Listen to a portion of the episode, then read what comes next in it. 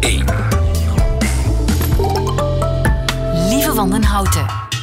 Nieuwe feiten. Dag en welkom bij de podcast van Nieuwe Feiten van 21 februari 2020.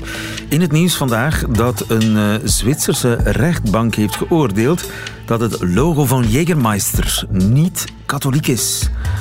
Jägermeister, de kruidenlikeur, heeft als logo een hertenkop met een kruis tussen het gewei. En dat kruis zou volgens een Zwitsers instituut katholieken voor het hoofd kunnen stoten. Nu, hoe is dat kruis ooit in dat hertengewei beland? Wel door Sint Hubertus.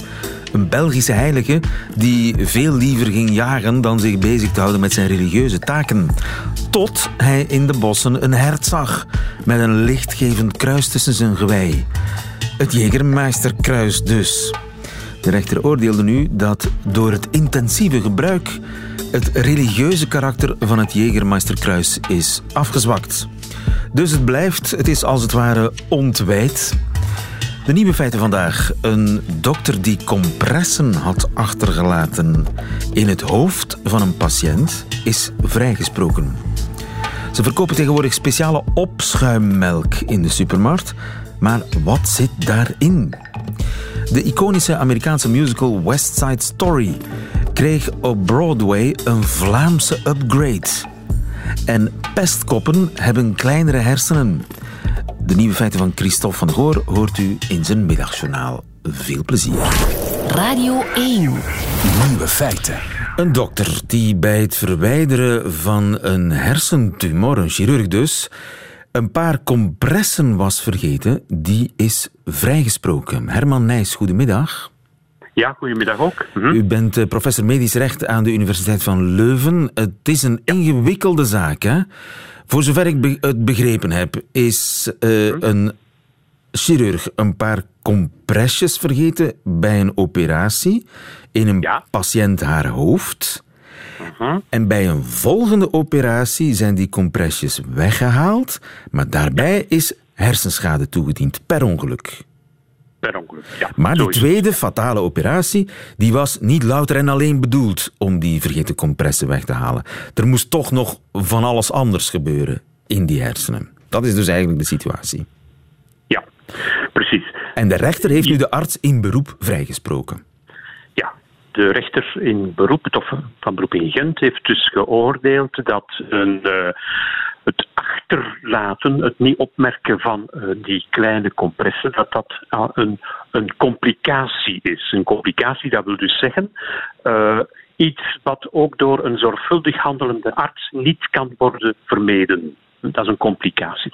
Je zou eigenlijk ook wel het standpunt kunnen innemen dat het niet verwijderen van die, van die compressen, eh, hoe klein ze dan ook zijn, dat dat eigenlijk eh, geen complicatie is, maar dat een zorgvuldig handelende arts dat wel degelijk kan vermijden. En ik denk trouwens dat in het algemeen eh, bij neuro neurochirurgen dat ook wel zullen doen. Ik, ik ken niet veel gevallen eh, die lijken op dat van deze, deze mevrouw. Dus, Dus het zit in de grijze zone eigenlijk tussen wat een complicatie is, ja, een ongelukje wat nu eenmaal erbij hoort, en wat echt Ja. een fout is die vermeden had moeten worden. Nu, Ja. mij verbaast dat dat een, een rechter oordeelt dat een compress achterlaten, iets achterlaten in iemands lijf, dat dat een complicatie is. Dat is toch gewoon een fout? Dat zegt mijn boerenverstand. Ik, ja, ik denk dat dat, eh, dat dat correct is. Ik bekijk dat ook zo. Ik zou hier nu uit dit ene arrest toch zeker niet gaan concluderen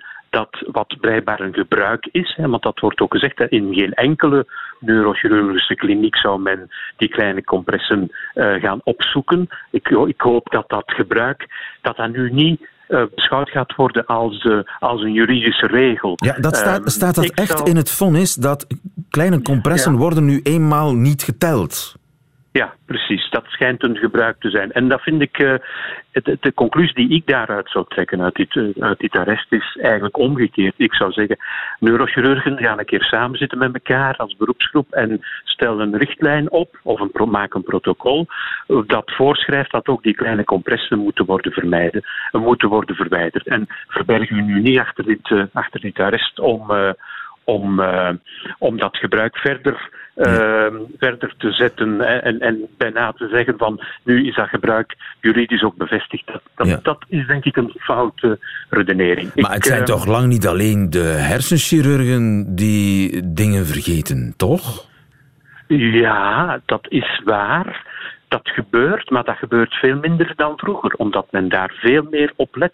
Er worden time-outs gemaakt, er worden nog eens een keer herstellingen gebeurd. Eigenlijk eh, moet men bij het sluiten van de wonden precies al datgene wat men heeft gebruikt voor de ingreep, dat moet op de tafel liggen. En zodanig zo kan men nagaan of er inderdaad iets is achtergebleven Ja. of niet. En dat is tegenwoordig echt wel goed good practice. Daar wordt ook eh, Ja. bij het inspecteren van, van ziekenhuizen, bij het doen van eh, accrediteringsrondes, daar wordt daar ook eh, heel nadrukkelijk op, op, op gewezen. Dus in die zin kan het nog wel eens een keer gebeuren dat er iets achterblijft, maar dan mogen we ervan uitgaan, daar is iets fout gegaan. Daar Ja. is onzorgvuldig gehandeld. Moeten we niet zeggen, dat is een complicatie. Trouwens, als het een complicatie is, eh, als daar nu toch eventjes op voor te gaan, dan vraag ik mij af of die patiënt daarover was geïnformeerd. Want dat is wel een patiëntrecht. Dat staat uitdrukkelijk in de patiëntenrechtenwet. Een patiënt moet toestemming geven met kennis van zaken. En dat impliceert ook dat je op de hoogte bent van de risico's Ja. die je loopt. Van de En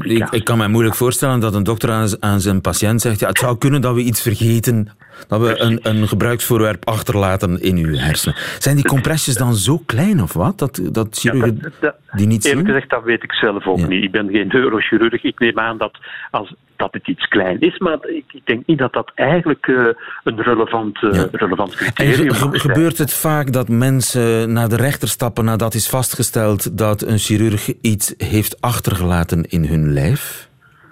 Dat is zeker. dat- ik denk dat dat eerder zeldzaam is hoor. En ik zei, ik zei het daarnet al, er wordt ook veel meer op gelet dan Ja. vroeger. Dat, En, dat en, is zeker, en, dat is en zeker eh, v- nog. vaak heeft het ook niet zo'n verstrekkende gevolgen. In dit geval, Ah, nee. die mevrouw is verlamd. Eh, Ja. Ten gevolge van het weghalen van die, van die. En dat is de hele Ja. discussie. Om, want ja, die operatie was niet alleen bedoeld om die compressies weg te halen, maar ook nog om andere dingen te doen. Blijkbaar, en, hè? En, en, en, ja, en dan is die verlamming misschien toch een complicatie daarvan. Enzovoort. Heel ingewikkeld. De zaak zelf die gaan we natuurlijk niet helemaal kunnen uitpluizen. Maar Nee. voor u is dit dus zeker geen precedent. Dit is niet een vrijbrief voor chirurgen om te zeggen van ik ben door de rechter absoluut. gecleared om Ja, eh, nee, dus- gerief achter te laten. Dat is, een, dat is een één uitspraak van één Hof van Beroep. En ik denk niet dat we daar algemene conclusies uit mogen trekken, die absoluut leiden tot zeer patiëntonvriendelijke eh, praktijken. Hè. Dat is, eigenlijk moeten we het zo bekijken. Dat is eigenlijk anno 2020 mag dat dus niet gebeuren dat zoiets als een complicatie eh, wordt, eh, wordt, wordt, wordt beschouwd. Dit is gewoon onzorgvuldig handelen geweest. Ja. Duidelijk. Herman Nijs, professor medisch recht aan de Universiteit van Leuven. Dankjewel. Goedemiddag. Nieuwe feiten. Radio 1. Ik was dit weekend in de supermarkt en mijn ogen vielen erop. Op iets wat ik nog nooit gezien had. Opschuimmelk. Kennelijk is dat melk speciaal bedoeld om op te schuimen, ideaal voor een lekkere cappuccino. Opschuimmelk, maar klopt dat wel? Het Nederlandse tv-programma Keuringsdienst van Waarde ging op onderzoek. Buongiorno, è eh, Antonio della Cucina de, de Olanda. Qual è il meglio latte per cappuccino? Un eh, latte fresco, signore. Latte fresco? Sì. Eh, nei Paesi Bassi eh, abbiamo latte speciale per schiuma. Ah, eh, signore. Eh, non le so dire. Qui noi lo facciamo così. No? No latte speciale per schiuma? No, no. No? Semplicemente latte fresco. Sì. Ah. Ja, prachtig accent ook van eh, onze Nederlandse collega. In Italië horen ze het in Keulen donderen als je het hebt over speciale opschuimmelk. Maya Cohen, goedemiddag. Hallo, goedemiddag. Van het programma Keuringsdienst van Waarde. Jullie zijn in de opschuimmelk gedoken. Wat? Yes, de, de. Italiaan zegt ja, het beste is verse volle melk. Dat, dat gebruikt de Italiaan om eh, op te schuimen. Tenminste, volle melk, denk ik. Hè? Volle melk is het beste, toch? Ja, Oké. ja, zeker. Verse volle melk. Voor een Italiaan. Maar wij kunnen nu in de supermarkt speciale opschuimmelk kopen. Hebben jullie onderzocht wat daarin zit? Ja, ja, nee, wij vroegen ons ook af uh, wat is dat en uh, vooral ook uh, ja, waarom. Want wij kennen gewoon melk om cappuccino mee te maken. Um, en we hebben gekeken naar wat het, nou, ja, wat het nou eigenlijk is, opschuimmelk. En hebben ze daar iets aan toegevoegd aan de gewone melk? Ja, bij een aantal uh, producten zijn, zijn ingrediënten toegevoegd. Uh, ja, gewone melk bevat natuurlijk alleen maar melk. En uh, opschuimmelk heeft vaak nog andere ingrediënten. Zoals extra eiwitten, stabilisatoren en ook in een aantal gevallen suiker. Ja. Nu, ik kan me voorstellen als je er extra eiwitten in stopt, dat het inderdaad beter schuimt. Ja, dat is ook de verklaring die de producenten ons gaven. Um, maar nu is het wel zo dat het verschil in eiwitten, als je dat vergelijkt met de gewone melk, helemaal niet zo groot was. Um, in ieder geval niet significant groter dat, uh, ja, dat dat daadwerkelijke schuimen nou heel veel beter wordt. En die stabilisatoren, wat doen die? Blijven, maken die dat het schuim een uur blijft staan? Ja, nou, ja, nou eigenlijk wel. Ja, die zorgen Aha. dat het schuim stevig blijft en blijft staan. Uh, nou, daar vielen de Italianen ook heel erg overheen. Want uh, goede cappuccino melk is melk die eigenlijk opgaat in de koffie. Uh, die dus één wordt met de koffie. En deze melk blijft echt erop liggen. ja, dat is, dat, is helemaal, dat is helemaal niet goed. Dat is on-Italiaans. Dat is on-Italiaans. Dat is ja. vloeken in de Italiaanse cappuccino-kerk. Zeker weten. Dus maak je er betere cappuccino's mee met die melk? Nou, misschien op het eerste gezicht lijkt het makkelijk te gaan. Uh, maar wij hebben getest uh, met uh, verschillende soorten opschuimmelk en gewone melk. Dat verschil was ook niet heel groot. En uiteindelijk is de smaak natuurlijk het allerbelangrijkst. En ja, daar winnen ze toch echt niet mee. Het smaakt zelfs niet beter. Nee, het smaakt niet beter. De suiker die eraan toe wordt gevoegd, ja, die maakt het, uh, maakt het zoeter. Um, en daarnaast is houdbare melk van zichzelf al iets anders, doordat die uh, ja, hoger en langer is verhit dan verse melk. En dat, dat geeft ook een andere smaak. Dus haal dat zeker niet van verse melk. Alleen moet je die verse melk, ja, die kun je in Nederland makkelijker kopen. Kun je bij ons ook wel krijgen. Maar is iets, mm-hmm. iets moeilijker te krijgen dan in Nederland, de verse melk. Want dat is melk die, ja, hoe lang? Drie dagen lekker blijft in de ijskast? Ja, wel een aantal dagen. Maar minder lang dan, uh, dan houdbare melk, inderdaad. En als je, als je echt een, uh, ja, een cappuccino freak bent, dan uh, moet je verse melk gebruiken. Zo simpel is het. Eigenlijk wel. Wat is het prijsverschil tussen gewone melk en opschuimmelk? Ja, dat is, uh, dat is behoorlijk groot. We hebben dat natuurlijk ook vergeleken. En uh, dat varieerde echt van, uh, nou, in percentages van 59% duurder tot eentje die wel meer dan 100% duurder was dan gewone melk. Daar, dus dat, dat is flink. Daar zit het grootste verschil. Zeker, ja, dat denk ik wel. Ja, dat is, uh, dat is echt enorm, dat verschil. Helder, dankjewel Maya Cohen. Goedemiddag. Bedankt, dag. Nieuwe feiten. I like to be in America. Okay, by me in America. Everything free in America. For a in America. Tja, Amerikaanser wordt het niet dan West Side Story, Romeo en Julia, maar dan uh, verplaatst naar de wereld van de gangs in New York in de jaren 50. Amerikaans erfgoed, zeg maar. West Side Story, dat nu een upgrade heeft gekregen van Vlamingen. Op Broadway, het mekka van de musical. Chantal Patin, goedemiddag. Dag, lieven. Je bent net van Clara. Gisteren ging op Broadway in New York West Side Story in première in een regie van Ivo van Hoven. Met choreografie van Anne-Theresa de Keersmaker. In een decor van Jan Verswijveld. En met mhm. kostuums ook gemaakt door een Vlaamse... Het is echt een soort Vlaamse invasie op Broadway. Jij hebt het stuk al gezien? Ja, ik mocht gaan kijken vanaf 13 februari, want er zijn allerlei regels verbonden uh, aan het moment waarop de pers mag gaan kijken. Hè. Dus op 13 februari was de voorstelling zogezegd af en gefixeerd, terwijl al maandenlang duizenden mensen naar West Side Story in preview zijn gaan kijken. Maar uh, lieven, het is... Uh, een overweldigende ervaring. Overweldigende ervaring? Wat, ongelooflijk. Wat hebben die Vlamingen met dit Amerikaanse icoon gedaan?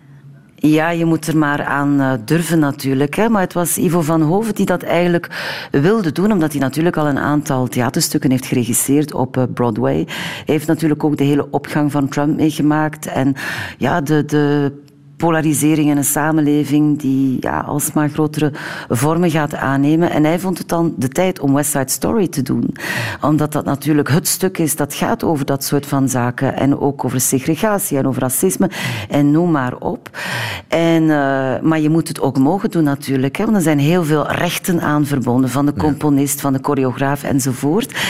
En uh, toen hij eenmaal de toelating had, heeft hij Thijs de Keersmaker opgebeld. Naar het schijnt was zij aan het wandelen in de Dolomieten en kreeg dus dat aanbod. Ja, begin daar maar eens aan, lieven. Want in Amerika kent iedereen die muziek, iedereen kent die, die songs uit het hoofd, men zingt dat mee. Wij eigenlijk ook voor een stuk, denk ik. En ik kon daar net al bijna erg, niet inhouden. Het hangt heel erg vast aan de jaren 50, een beetje zoetige liedjes zijn dat. Ja, en... en... de kleuren natuurlijk die wij ook uit de film kennen, die nadien is gemaakt, een paar jaar na de musical. Ja, dat is fantastische technicolor. Je bent... Ja, dat is kleurrijk, maar dat is dus niet wat Ivo van Hoven... Hij heeft het uit de jaren 50 gehaald en naar vandaag verplaatst. Ja, Helemaal, dat klopt helemaal, lieve. Het is ongelooflijk. U loopt eigenlijk vanaf Times Square, dat theater in Broadway, binnen. En die wereld is niet anders. En dat was een absolute voorwaarde, een van de vele voorwaarden van Ivo van Hoven om eraan te beginnen. Het stuk mag geen pauze hebben. Ik wil een absolute moderne hedendaagse choreografie. En ik verplaats het naar het nu met een cast die ook compleet divers is. En dat is ongelooflijk. Dus de straat wordt eigenlijk vertaald ook uh, op het podium. En dat gebeurt ook in uh, de scenografie van Jan Verswijfeld. Het is heel donker. En het, hij heeft eigenlijk ja, alle gruwelijkste feiten uit West Side Story gehaald. Dat is niet zomaar een zeemzoeterige musical. Dat is eigenlijk gewoon een onwaarschijnlijke tragedie, lieven. Daar vallen doden. Dat is erg. Het is hartverscheurend wat daar gebeurt. Ook dat je ziet dat die personages met zichzelf ja, eigenlijk geen, geen weg meer weten en dan maar uh, een uitweg in het geweld gaan zoeken. Dus het is ontzettend pijnlijk. En dat geweld vervolgens gaan filmen met smartphones. Wat ook eigenlijk ja, in dag uit gebeurt. Dat doen ze ook op het podium. Ja, dus in die zin vertaalt eh, de wereld zich van vandaag zich op dat podium. Er lopen cameramensen uh, tussen de performers rond. Performers die trouwens geweldig zijn, lieven. Het zijn allemaal heel jonge mensen. Ze kunnen dansen en zingen als de beste. Ze zien er ook geweldig uit. Ook in die kostuums van Anduis. Dat zijn heel kleurrijke leggings en hoodies. En het is prachtig om te zien. Maar... Um, zij worden gefilmd, filmen ook zichzelf. En dat is prachtig, want het scènebeeld is behalve de dansers eigenlijk bijna leeg. Maar dan krijg je een ongelooflijke videomuur. Al die beelden worden daarop geprojecteerd. Dus je ziet die dansers in, ja, in groot formaat. Je zit echt op een huid, je ziet ze zweten, je ziet ze afzien. En dat is ongelooflijk. En wat ook heel mooi is, Jan Verswijfeld heeft er dan nog twee kleine ruimtes uh, bijgebouwd. Dus je zit zo op het ene moment ja, heel dicht in een winkeltje, zo'n soort van drugstore, waar de Jets altijd rondhangen. De Jets, dat is eigenlijk de gang waar Tony net is uitgestapt. Tony die dan verliefd zal worden van, op Maria van de Sharks. En de vrouwen van de Sharks um, die uh, zitten allemaal samen in een soort van naaiatelier. En ook daarbinnen wordt gefilmd. Dus eigenlijk de verkrachtingsscène van Anita die speelt zogezegd zich af achter een aantal muren, maar die wordt gefilmd. Dus je zit er gewoon in groot formaat op te kijken. Ja, dat is de specialiteit natuurlijk van Ivo van Hoven, om een ingewikkelde machine op het podium toch zeer soepel te laten bewegen. Je zit er met open mond naar te kijken. Uh, donker, rauw, uh, hedendaags, de verscheurde staten van Amerika, echt uitbeeldend.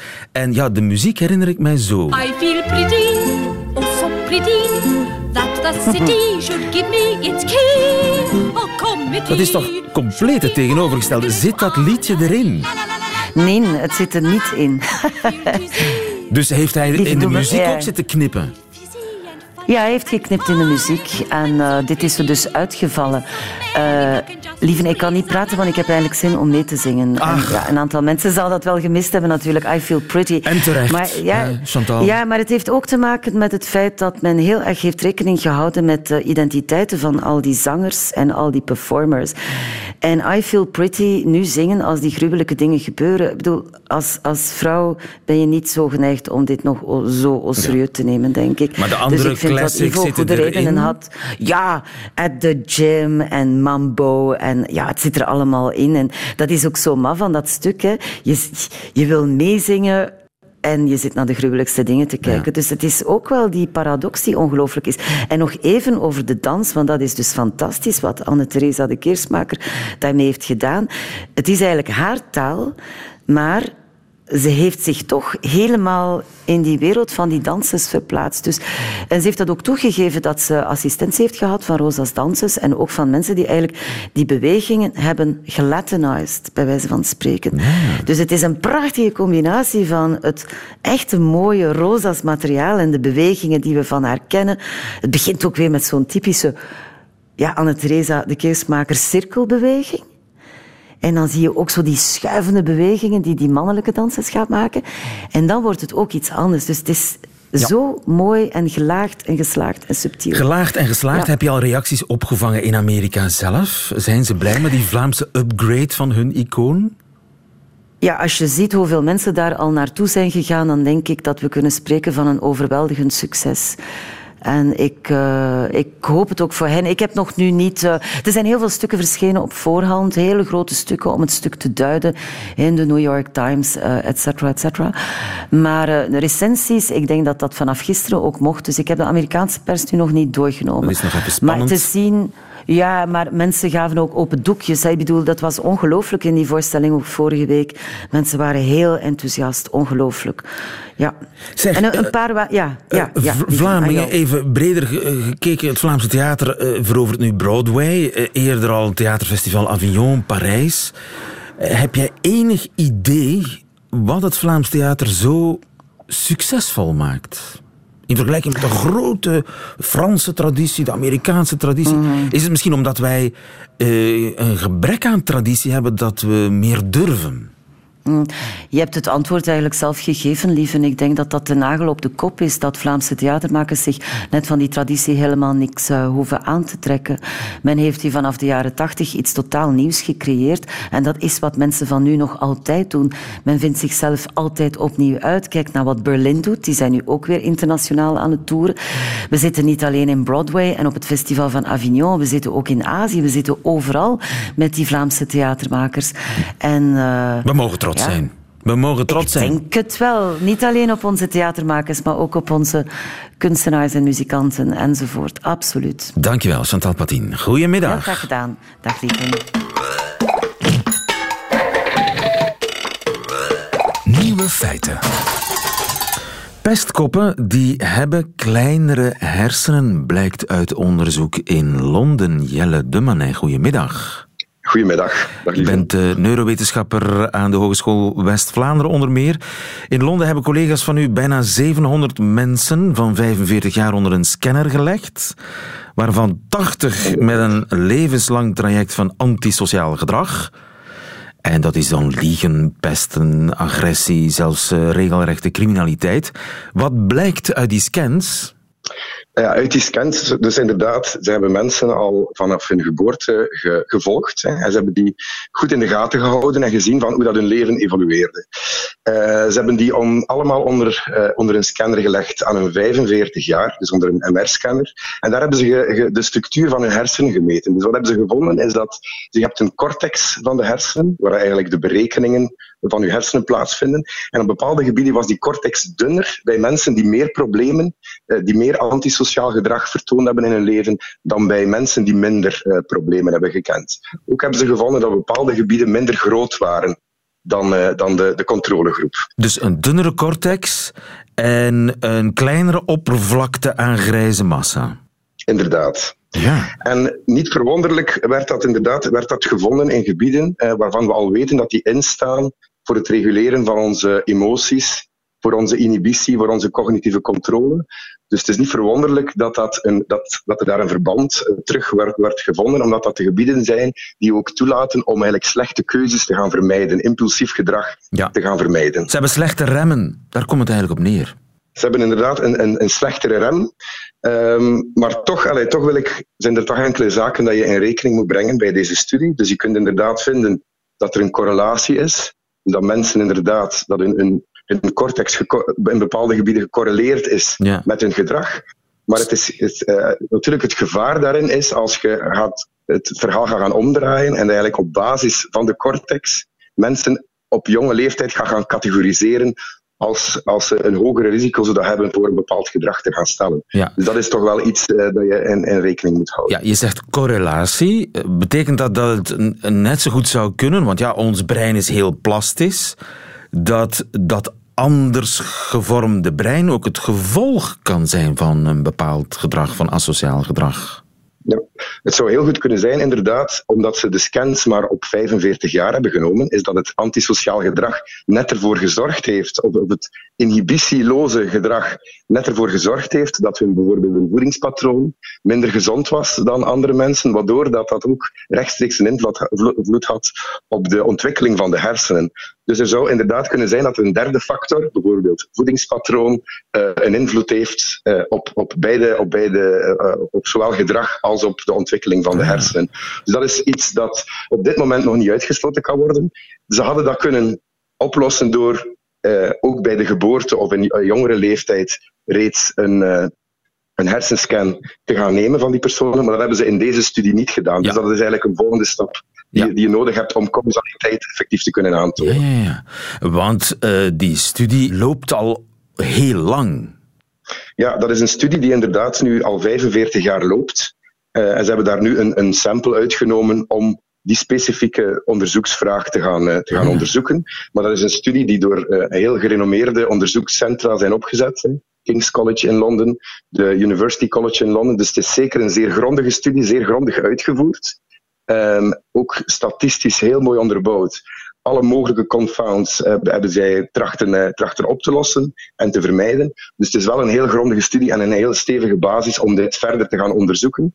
Want het toont toch wel aan dat, dat, dat bepaalde cognitieve functies, die belangrijk zijn om om, om keuzes te gaan maken, dat die ook een heel grote, dat die een grote implicatie kunnen hebben hoe, uh, hoe, dat je leven eigenlijk verloopt en welke keuzes dat u maakt en waar dat je effectief dan uh, ja. uiteindelijk belandt. Maar het zou pas echt interessant of mindblowing of alles anders makend zijn mochten we kunnen aantonen dat sommige mensen geboren zijn met pesthersenen. Ja, maar natuurlijk, allez, dat we nu kunnen aantonen dat de hersenen de structuur van de hersenen één factor is die een invloed kan zijn, hè, met de bemerking dat we daarnet gemaakt hebben. Maar natuurlijk, dat is maar één van de honderden, duizenden factoren die een invloed hebben op uh, hoe dat uw leven zich afspeelt en welke keuzes u maakt. Ja, ja. Dus zelfs dus al zou je geboren zo, zijn ja. met pesthersenen, dan nog zou je uh, daar uh, mee kunnen een gezond leven hebben. Ja, nou, natuurlijk. Het is, het is een van de factoren. Um, we gaan die nooit en gelukkig maar als predictor kunnen gaan gebruiken om mensen op vroege leeftijd te kunnen gaan categoriseren. Ook moet je in rekening houden dat de variabiliteit. Dus wat hebben ze gedaan? Ze hebben mensen in verschillende groepen gaan vergelijken en ze hebben gevonden dat in de ene groep er een verschil was met de andere groep. Natuurlijk, de variabiliteit binnen de groepen is quasi even groot als tussen de groepen. Dus met andere woorden, je kunt niet mensen op basis van die meting gaan toewijzen als een probleem, een mogelijk probleemkind of niet. Ja. Dus dat is een hele andere stap. Dat is een hele uh, verdere stap. Maar het toont wel aan, het bevestigt wel, wetenschappelijk, dat, dat bepaalde functies die belangrijk zijn, of die belangrijk kunnen zijn voor je leven, zich in bepaalde gebieden van de hersenen bevinden. Dankjewel, Jelle de Manet. Goedemiddag. Graag gedaan. Dat waren ze, de nieuwe feiten van 21 februari. Alleen nog die van Christophe van der Goor krijgt u in zijn middagjournaal. Nieuwe feiten. Middagjournaal. Goedemiddag. Ik probeer het in dit middagjournaal zo weinig mogelijk te hebben over wielrennen, mijn core business zeg maar. Want mocht ik u zijn, een luisteraar van Nieuwe Feiten, zou ik misschien ook wel eens redeneren, gaat het nu weer over koers, kan die man echt over niets anders praten. Maar vandaag kan ik inderdaad niet anders. Remco Evenepoel laat me geen keuze. Remco Evenepoel, net 20 jaar geworden, heeft gisteren immers een koers gewonnen. En niet voor het eerst in zijn nog jonge carrière. En zeker niet voor het laatst. In de ronde van de Algarve op een vrij indrukwekkende wijze dan nog. En bovendien bij een aankomst bergop. En daarom werd met het woord mijlpaal gegoocheld. Dat het een lieve lust was. Want dit succes behaalde Evenepoel niet tegen pannenkoeken. Wielerjargon voor mindere goden. Maar wel tegen nogal wat grote namen. Twitter en andere sociale media ontploften. Het leek wel een moshpit, waarin om het hardst werd gebeukt en om zich heen geslagen om het grootste compliment of uiting van bewondering de wereld in te sturen. Niet helemaal verwonderlijk, want het is ook speciaal wat deze jongeman allemaal laat zien op de fiets. Daarover zijn we het allemaal eens. Ik stel me dan altijd de vraag hoe je met dit succes moet omgaan. Adoratie mag, nee, moet er zijn voor mensen met speciale gaven, bewondering en respect, want het zijn dit soort mensen, topsporters, maar ook topmuzikanten, topfilosofen, bedrijfsleiders, medici, politici, die helden zijn en andere mensen kunnen inspireren en doen dromen, die jongeren bezielen en aansporen om ook iets fantastisch van hun leven te maken. Ik weet niet hoe het komt, maar bij het volgen van het fenomeen Evenepoel moet ik bijna automatisch aan zijn ouders denken. Jouw kind is nog maar twintig jaar en torst torenhoge verwachtingen van de buitenwereld, maar vooral ook van zichzelf, want Remco is hyperambitieus. De wielerwereld maakt zich meester van jouw kind, dat je eigenlijk wil beschermen tegen valkuilen. Tegelijk voel je je ongetwijfeld super trots, want jouw kind zou wel eens de nieuwe Merks kunnen worden en geschiedenis schrijven, wat hij nu al een beetje aan het doen is. Anderzijds wil je gewoon je arm om hem heen slaan en vrijwaren van gevaren. Ook al moet je kunnen loslaten, jawel, daar is het cliché, maar loslaten in een wereld waarin iedereen iets wil van jouw kind is toch van een andere orde. Ik bekeek het interview met Evenepoel gisteravond op sportza.be en bleef hangen bij zijn woorden. Voor mijn ouders en familie is het niet altijd even makkelijk. Het is heel zwaar om met mij te moeten leven. Ik maak ook heel veel fouten, maar wil gewoon iedere dag het beste van mezelf tonen. Einde citaat. Verdorie dacht ik, deze kerel is echt heel sterk in zijn hoofd. Als je in volle euforie, na een overwinning, daaraan denkt, straf. En voor de pap en de mam, geef hem op tijd en stond een hele dikke knuffel.